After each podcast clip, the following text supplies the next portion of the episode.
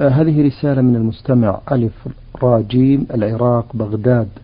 يقول في رسالته يوجد آه أناس يصلون بشكل مختلف عن الآخرين فهناك من يصلي الصلاة بوقتها وبشكل منفرد وهناك من يصلي الصلاة بجمع الظهر مع العصر والمغرب مع العشاء.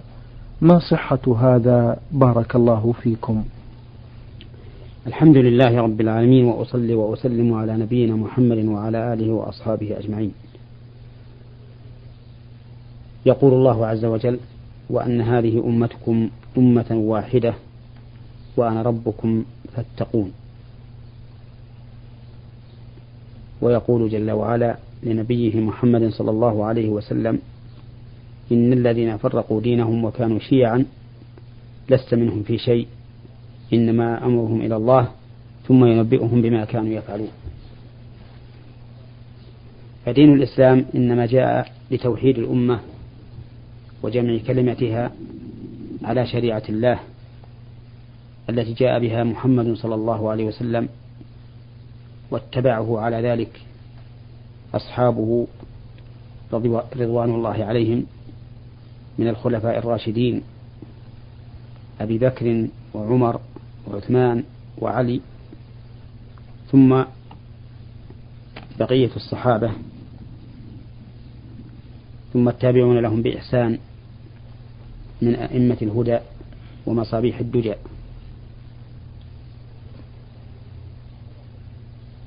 هذا هو الدين الإسلامي الذي أمر الله به وأن نكون أمة واحدة على هذا المنهاج. الذي سار عليه النبي صلى الله عليه وسلم وخلفاؤه الراشدون والصحابة رضي الله عنهم وأئمة الهدى من بعدهم كالإمام أحمد بن حنبل والشافعي ومالك وأبي حنيفة وسفيان وغيرهم ممن عرفوا بالهدى والصلاح وإرادة الإصلاح. ومن أهم ما يوجب الاجتماع على على دين الله إقامة الصلاة جماعة في المساجد. فإنها من الشعائر الظاهرة التي تحمل فوائد كثيرة. وقد دل الكتاب والسنة على أنها فرض على أنها أي صلاة الجماعة فرض وأنه لا يجوز لأحد أن يتخلف عنها ويصلي منفردا.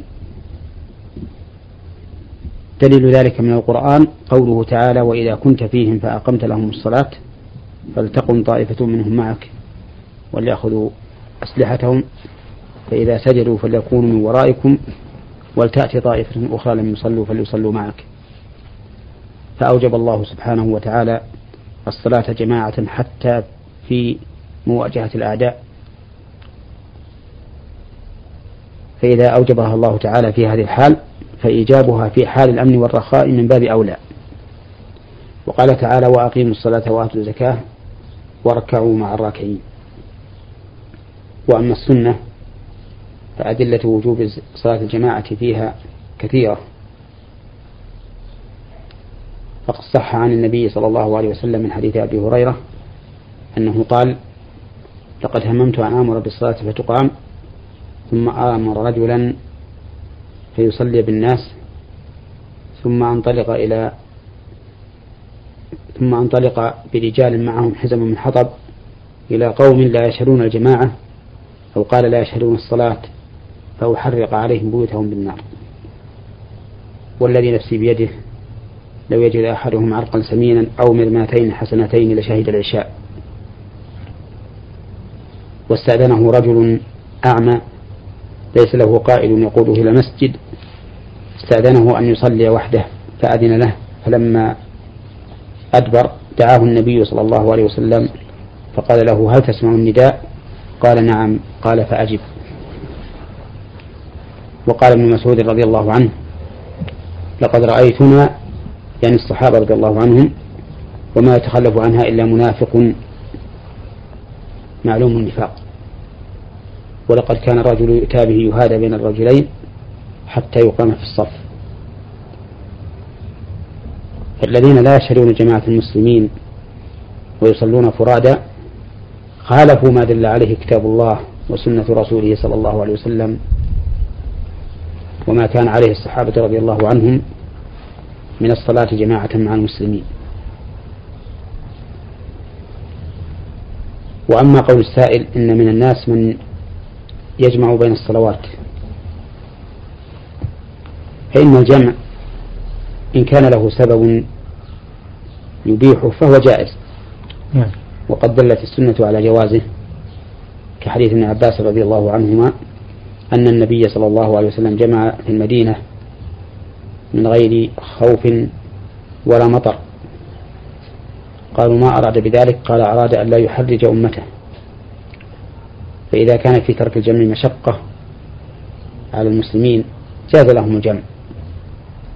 كما لو كانوا في ليلة مطيرة يشق عليهم الخروج في المطر فجمعوا بين المغرب والعشاء أو بين الظهر والعصر. إذا كان المطر أو إذا كان خروجهم في المطر يشق عليهم فجمعوا بين الظهر والعصر أو بين المغرب والعشاء من أجل دفع المشقة عنهم فهذا لا بأس به. وكذلك إذا كانوا مسافرين. وأما إذا لم يكن عذر فإن الجمع يكون حراما. ولا تصح ولا تصح الصلاة التي صليت في غير وقتها. فإذا جمع العصر إلى الظهر مثلا فإن العصر لا تصح لأنه صلاها قبل دخول وقتها ويجب عليه إعادتها في وقتها. وإذا أخر الظهر إلى العصر فإنه يحرم عليه أيضا ذلك التأخير ولا تقبل منه الصلاة حينئذ لأنه أخرها بدون سبب شرعي.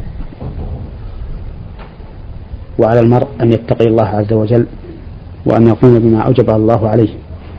وقد ثبت في الصحيحين من حديث عبد الله بن عمرو بن العاص أن النبي صلى الله عليه وسلم وقت المواقيت قال وقت الظهر إذا زالت الشمس وكان ظل الرجل كطوله ما لم يحضر وقت العصر. ووقت العصر ما لم تصفر الشمس. ووقت المغرب ما لم يغرب الشفق. ووقت العشاء إلى نصف الليل. ووقت الفجر ما لم تطلع الشمس. حدد النبي صلى الله عليه وسلم الأوقات وبينها فمن أخرج الصلاة عن وقتها التي الذي حدده النبي صلى الله عليه وسلم فقد عمل عملا ليس عليه أمر النبي صلى الله عليه وسلم. وقد ثبت عن النبي صلى الله عليه وسلم أنه قال من عمل عملا ليس عليه أمرنا فهو رد. شكر الله لكم وبارك فيكم.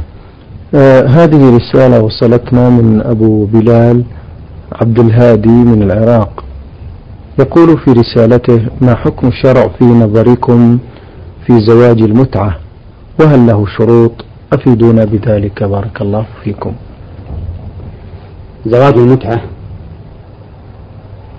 كان مباحا ثم حرم وهو أن يتزوج الإنسان المرأة إلى أجل بأن يقول تزوجتها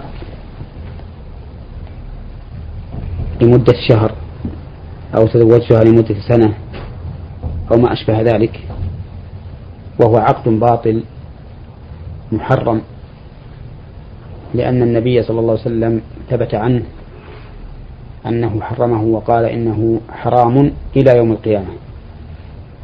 وهذا يدل على أن تحريمه باق ومستمر وأنه لا يمكن نسخه إذ لا يمكن أن يرد نسخ للتحريم بعد قول النبي صلى الله عليه وسلم إنه حرام إلى يوم القيامة لأنه لو ورد نسخ لهذا التحريم بالإباحة لزم منه كذب خبر النبي صلى الله عليه وسلم وهذا أمر محال. وعلى هذا فمن تزوج نكاح متعة فإن عليه أن يعيد العقد من جديد بنية النكاح المؤبد إن كان راغبا لهذه المرأة. ولكن لا بد أن يستبرئها قبل العقد عليها إلا أن يكون قد تزوجها نكاح متعة يعتقد أنه حلال فإنه لا حاجة إلى استبرائها ولكن يجب عليه إعادة العقد. أما إذا لم يكن له رغبة فيها فإن الواجب عليه إطلاق سراحها لأن نكاح المتعة محرم لا يجوز الإقرار عليه. شكر الله لكم. هذه رسالة من عبد الرحيم فوزي من جمهورية مصر العربية ومقيم في العراق. يقول في رسالته هل يجوز لي الإقامة مع والدتي مع أنها في عصمة رجل آخر وفي دار غير دار أبي وبعيدة عني مع أن زوجها قد تركها وهي في عصمته. وهل يجوز أن أتزوج في دارها مع أن الدار ملك لها؟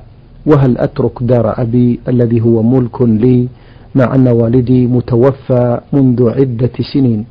وهي التي طلبت مني آه، أنا وأخي الصغير أن نقبل طلبها فهل نرفض وما حكم ذلك بارك الله فيكم. لا حرج عليك أنت وأخوك أن تسكن عند أمك ما دام البيت بيتها. نعم. لأنها مالكة له ومالك العين مالك لمنفعتها. فإذا كانت طلبت منكما أن تسكن عندها بعد الزواج فلا حرج عليكما أن تسكن عندها. وأما البيت الذي خلفه والدكما وصار من ملككما فيمكن أن تستغلاه بالتأجير وتستعين بأجرته تستعين بأجرته على نوائب الدهر. شكر الله لكم. آه، أيضا يقول ما تفسير قوله تعالى والعصر إن الإنسان لفي خسر إلا الذين آمنوا وعملوا الصالحات وتواصوا بالحق وتواصوا بالصبر. تفسيرها أن الله عز وجل يقسم بالعصر الذي هو الدهر لأن الدهر زمن الحوادث والوقائع المختلفة فمن ثم أقسم الله به. أقسم على أن الإنسان في خسر. نعم. والإنسان هنا يراد به الجنس. فكل إنسان فإنه في خسر. لا يستفيد من حياته شيئا ولا من عصره شيئا إلا من جمعوا هذه الأوصاف الأربعة. إلا الذين آمنوا وعملوا الصالحات وتواصوا بالحق وتواصوا بالصبر. آمنوا أي صدقوا بما يجب التصديق به مع القبول والإذعان. نعم. فالإيمان الشرعي ليس هو مجرد التصديق بل هو تصديق خاص مستلزم للقبول والإذعان. وعملوا الصالحات يعني عملوا الأعمال الصالحة. والأعمال الصالحة نستجمع فيها شرطان. الإخلاص لله والمتابعة لرسول الله صلى الله عليه وسلم. فإن اختل أحد الشرطين لم تكن من الأعمال الصالحة. لو أن الإنسان عمل عملا موافقا للسنة تماما في ظاهره لكنه لم ينوي بذلك وجه الله وإنما فعل ذلك رياء وسمعة فإن عمله لا يقبل ولا يسمى صالحا. فبالحديث القدسي الذي رواه أبو هريرة عن النبي صلى الله عليه وسلم أن الله قال أنا أغنى الشركاء عن الشرك من عمل عملا أشرك فيه معي غيري تركته وشركه. ومن أخلص لله عز وجل ولم يبتغي سوى وجه الله لكنه لم يتبع النبي صلى الله عليه وسلم. وعدم اتباع النبي صلى الله عليه وسلم يكون بأمرين إما بعدم فعل ما يشرع فعله مما يكون فواته مبطلا للعبادة وإما بابتداع, بابتداع شيء في دين الله لم يشرعه النبي صلى الله عليه وسلم. مثال الأول لو أن رجلا صلى الظهر ولكنه تعمد ترك التشهد الأول فإننا نقول إن هذا العمل باطل لأنه لم يتبع فيه النبي صلى الله عليه وسلم. حيث ترك التشهد الأول عن عمد. وكذلك لو صلى الظهر وترك سجدة من السجدات أو ركوعا من الركعات فإنه لا يكون عمله صحيحا لأنه لم يكن متابعا للنبي صلى الله عليه وسلم في ذلك. ولو ابتدع في دين الله ما ليس منه كما لو أحدث تسبيحات أو تهليلات أو تكبيرات أو تحميدات على وجه معين ترد به الشريعة أو أحدث صلوات على النبي صلى الله عليه وسلم على وجه معين لم ترد به الشريعة كان عمله غير صالح ولا مقبول لأنه لم يتابع لم يتبع النبي صلى الله صلى الله عليه وسلم في عمله. والعبادة لا لا تتحقق فيها المتابعة. إلا إذا كانت موافقة للشرع في سببها وجنسها وقدرها وكيفيتها وزمانها ومكانها. فإذا اجتمعت في العبادة هذه الأوصاف أو أو إذا تحققت الموافقة للشريعة في هذه الأمور الستة تحققت المتابعة. فإن اختل واحد منها لم تتحقق المتابعة.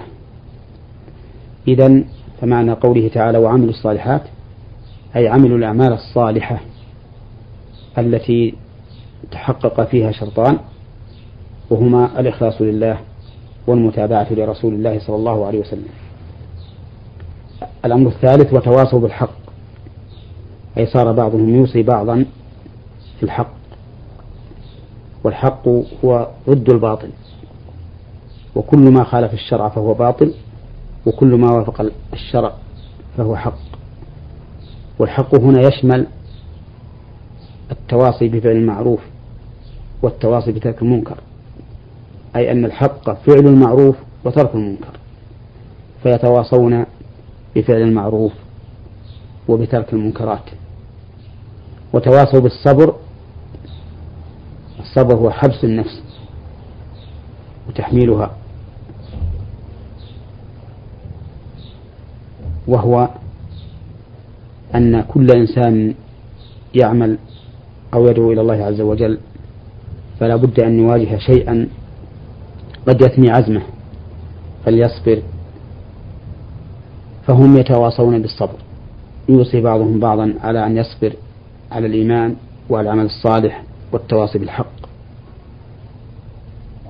وقد أمر الله تعالى عباده بالصبر في عدة مواضع من القرآن. مثل قوله تعالى يا أيها الذين آمنوا اركعوا وس مثل قوله تعالى يا أيها الذين آمنوا اصبروا وصابروا ورابطوا واتقوا الله لعلكم تفلحون. ومثل قوله تعالى واصبروا إن الله مع الصابرين. ومثل قوله تعالى إنما يوفى الصابرون إنما يوفى الصابرون أجرهم بغير حساب. وذكر أهل العلم أن الصبر ينقسم إلى ثلاثة أقسام صبر على طاعة الله وصبر عن معصية الله وصبر على أقدار الله المؤلمة. وعلاها الأول ثم الثاني ثم الثالث. فالصبر على طاعة الله هو حبس النفس على قبول أمر الله ورسوله وعلى تنفيذ أمر الله ورسوله. وفيه أمران وهو حبس النفس على قبول ذلك ثم تنفيذه. أما الصبر عن معصية الله فهو حبس النفس عن فعل عن فعل المعصية وليس فيه إلا شيء واحد وهو حبس النفس عن المعصية ولهذا كان الأول أكمل منه. أما الثالث فهو الصبر على أقدار الله المؤلمة. فإن الإنسان في هذه الدنيا بين الضراء والسراء وبين الخوف والأمن وبين الضيق والسعة وبين الفقر والغنى وبين الصحة والمرض فيحتاج إلى صبر على ذلك. والصبر هذا هو أقل الأنواع شأنا لأن هذا الصبر لا يفعل الإنسان فيه المصبور عليه باختياره وإنما يقع عليه بغير إرادته فهو كما قال بعض السلف إما أن يصبر صبر الكرام وإما أن يسلو سلو البهائم. بخلاف القسمين الأولين فإن, فإن فيهما نوعا من الاختيار. إذ أن الإنسان لو شاء لكف عن الشيء ولو شاء لم يكف ولو شاء لفعل الشيء ولو شاء لم يفعله. بخلاف أقدار الله عز وجل فإنها تأتي الإنسان وتصيبه بغير اختياره. ولهذا كان هذا النوع أقل شأنا من أو كان هذا القسم أقل شأنا من القسمين السابقين.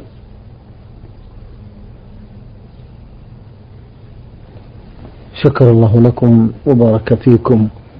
آه هذه رسالة وصلتنا من سليم ألف ألف.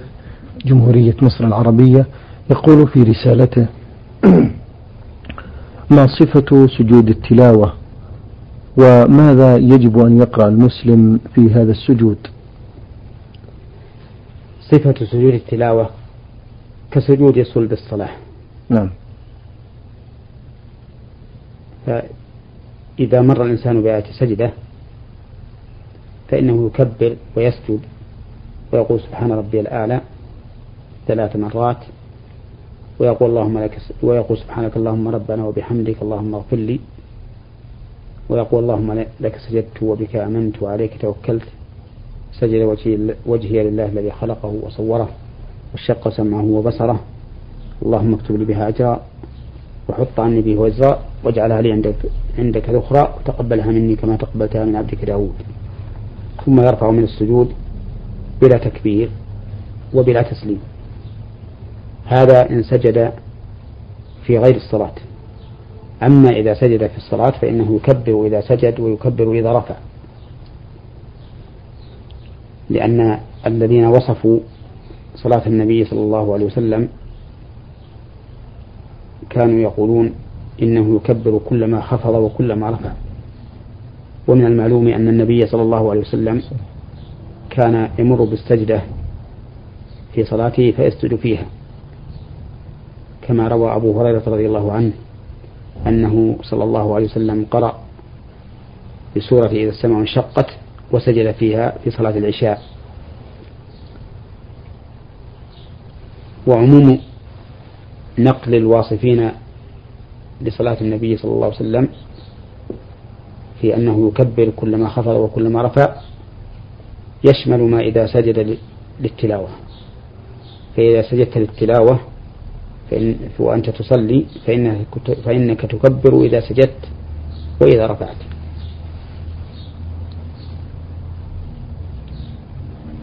شكر الله لكم. أيضا يسأل ويقول إذا لم يسجد الإنسان أثناء قراءته وعند مروره بآية السجدة هل يلحقه إثم أم لا؟ الصحيح أنه لا يلحقه إثم. نعم. وأن سجود التلاوة سنة إن فعله الإنسان أثيب, أثيب عليه وإن تركه فلا شيء عليه.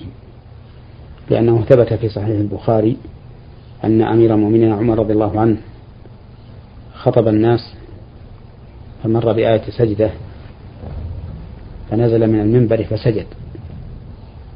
ثم خطبهم في الجمعة الثانية ومر بآية السجدة فلم يسجد. ثم قال إن الله لم يفرض علينا السجود إلا إلا أن نشاء. وكان ذلك في جمع كثير من الصحابة رضي الله عنهم. فالصحيح من من أقوال أهل العلم أن سجود التلاوة ليس بواجب وأنه إن سجد الإنسان أثيب عليه وإن لم يسجد فلا شيء عليه. ويدل لذلك أيضا أن زيد بن ثابت رضي الله عنه قال إني قرأت على النبي صلى الله عليه وسلم سورة النجم فلم يسجد فيها. لأن زيد بن ثابت هو القارئ ولما لم يسجد لم يسجد المستمع لم يسجد المستمع لم يسجد المستمع. ولو كان سجود التلاوة واجبا ما أقر النبي صلى الله عليه وسلم زيد بن ثابت على تركه. شكر الله لكم. آه، في سؤاله الأخير يقول كيف يصلي المسلم صلاة الاستخارة وما هي كيفيتها؟ صلاة الاستخارة إذا هم الإنسان بشيء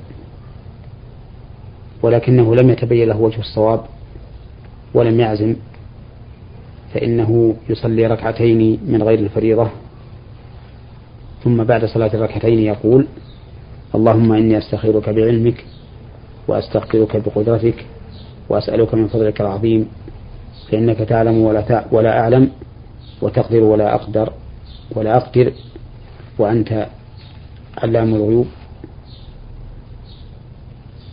اللهم إن كنت تعلم أن هذا الأمر ويسميه خير لي في ديني ومعاشي وعاقبة أمري أو عاجل أمري وآجله فاقدره لي ويسره لي ثم بارك لي فيه. وإن كنت تعلم أن هذا الأمر شر لي في ديني ومعاشي وعاقبة أمري أو عاجل أمري وآجله فاصرفه عني واصرفني عنه واقدر لي الخير حيث كان ثم أرضني به. فإن تبين له ما يفعله بعد ذلك فعله وإن لم يتبين أعاد الاستخارة الاستخارة مرة أخرى حتى يترجح عنده ما يختاره الله له. شكر الله لكم وعظم الله مثوبتكم.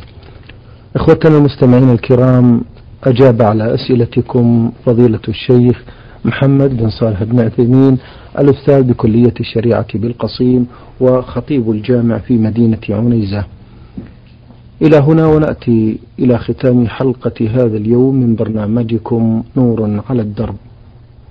نلتقي في الغد وأنتم بخير وعافية إن شاء الله تعالى. تقبلوا تحيات مهندس الصوت الزميل أحمد عبد الله الغامدي. سلام الله عليكم ورحمته تعالى وبركاته.